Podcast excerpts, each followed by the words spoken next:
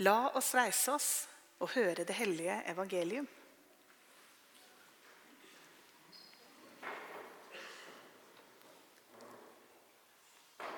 Det står skrevet i evangeliet etter Lukas.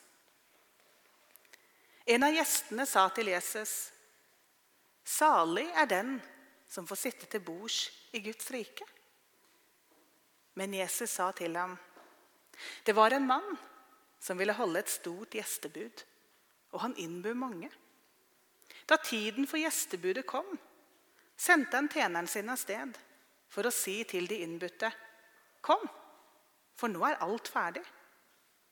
Men de begynte å unnskylde seg, den ene etter den andre. En sa, 'Jeg har kjøpt et jordstykke og må gå ut og se på det.' 'Vær så vennlig å ha meg unnskyldt.' En annen sa, 'Jeg har kjøpt fem par okser og må ut og prøve dem.' 'Vær så vennlig å ha meg unnskyldt.' Og en tredje sa, 'Jeg har giftet meg og kan derfor ikke komme.' Tjeneren kom tilbake og fortalte det til herren sin. Da ble husherren sint og sa til tjeneren.: Gå straks ut på byens gater og torg og hent inn de fattige og uføre og blinde og lamme. Tjeneren kom tilbake og sa, 'Herre, jeg har gjort som du sa, men det er ennå plass.' Da sa Herren til tjeneren, 'Gå ut på veiene og stiene og nød folk til å komme inn, så huset mitt kan bli fullt.' For det sier jeg dere, ingen av dem som var unnbudt, skal få smake festmåltidet mitt. Slik lyder det hellige evangelium.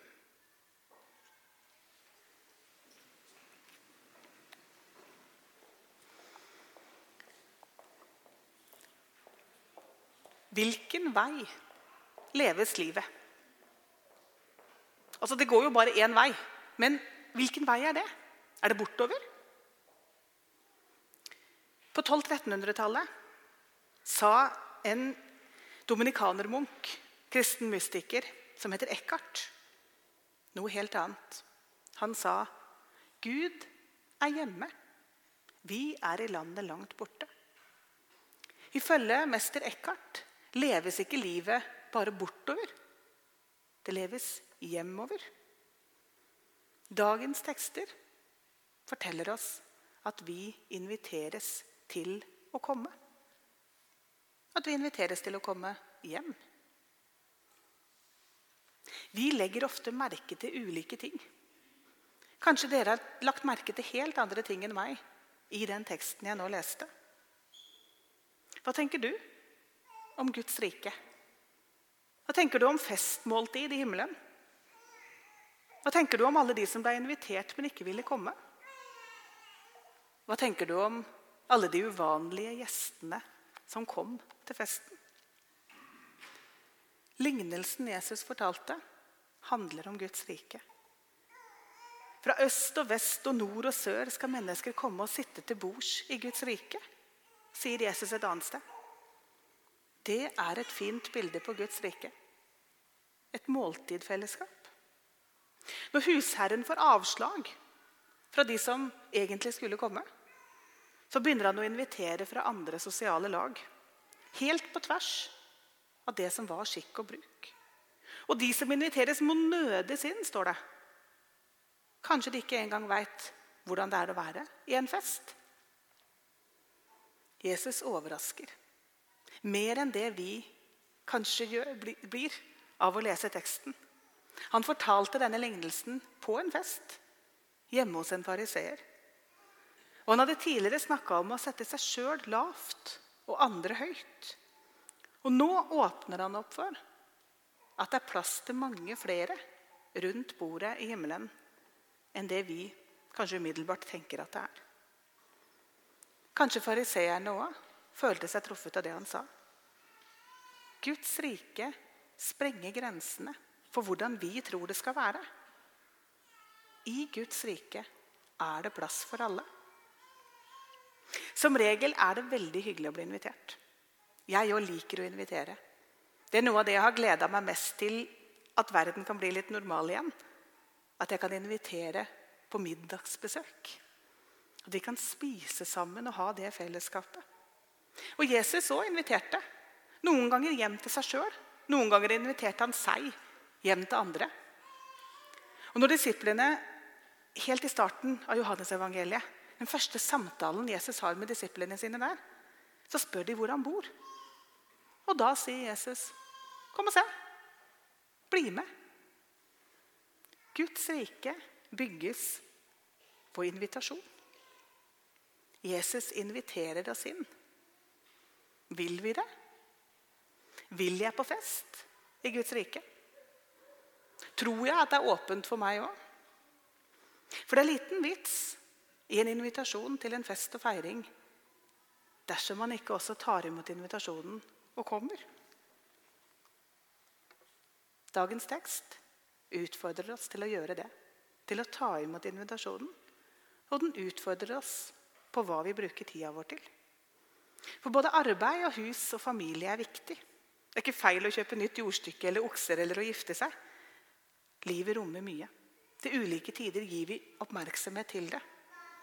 Men ingenting av det vi fyller livet med, behøver å komme i veien for å ta imot invitasjonen fra Gud. Vi har snakka en del om det i staben disse ukene og månedene som alt har vært så annerledes. Det har vært så annerledes å være i kirke òg i denne tida. Og noe av det som virkelig har vært deilig for en del av oss, kanskje aller mest vi som har små barn som går i barnehage eller skole Når vi først har fått muligheten til å være sammen som familie, så har det vært ordentlig fint. Ikke alle, men, og ikke alltid og ikke alle dager, men noen dager har det vært godt å ikke skulle sende ungene på aktiviteter og ikke skulle noe, men å faktisk være oss hjemme. Det har vært en side av dette som har vært god.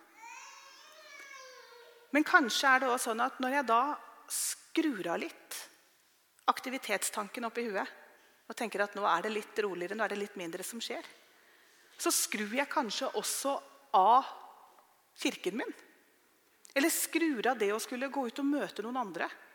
Kanskje, kanskje skrur jeg av fellesskapet litt mer enn jeg egentlig behøver å gjøre. Og jeg lurer på noe av det vi blir utfordra til i denne teksten og i mange andre bibeltekster er å ikke skru av hele relasjonen til Gud, sjøl om vi kan kjenne at det kan være godt å redusere på aktiviteter og travelhet.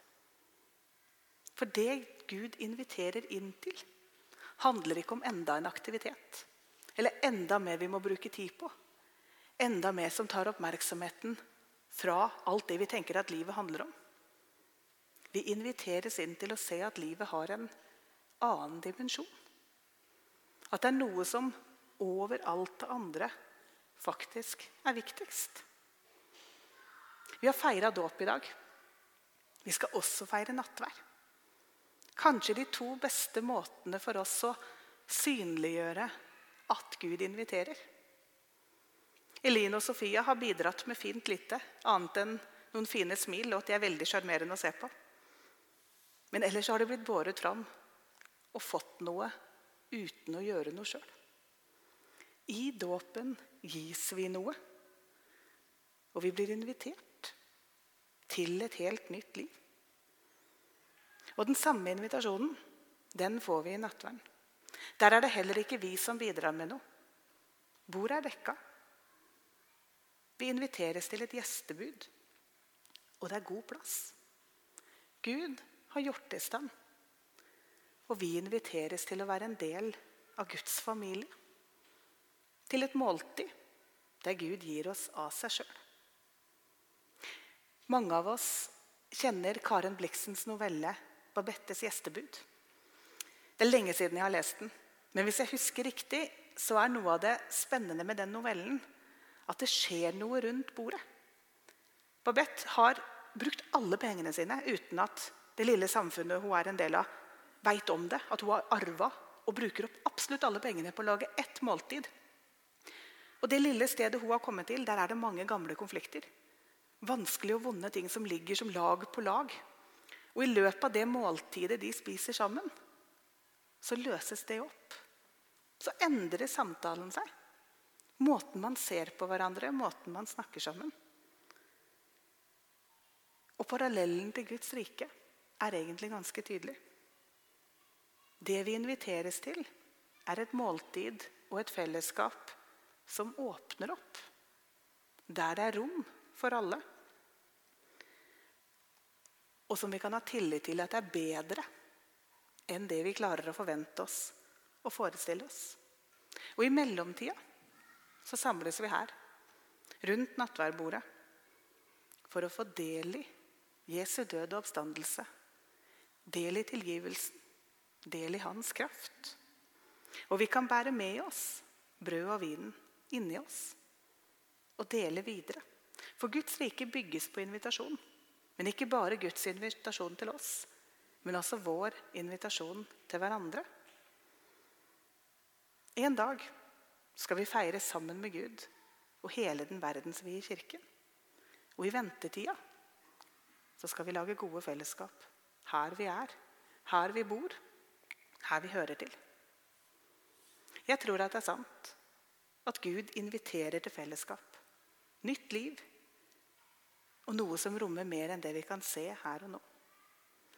Og jeg tror at det fellesskapet er mer mangfoldig enn jeg kan ane.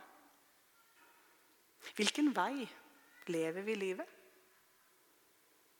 Jeg tror at Eckhart har rett. At vi lever livet hjemover.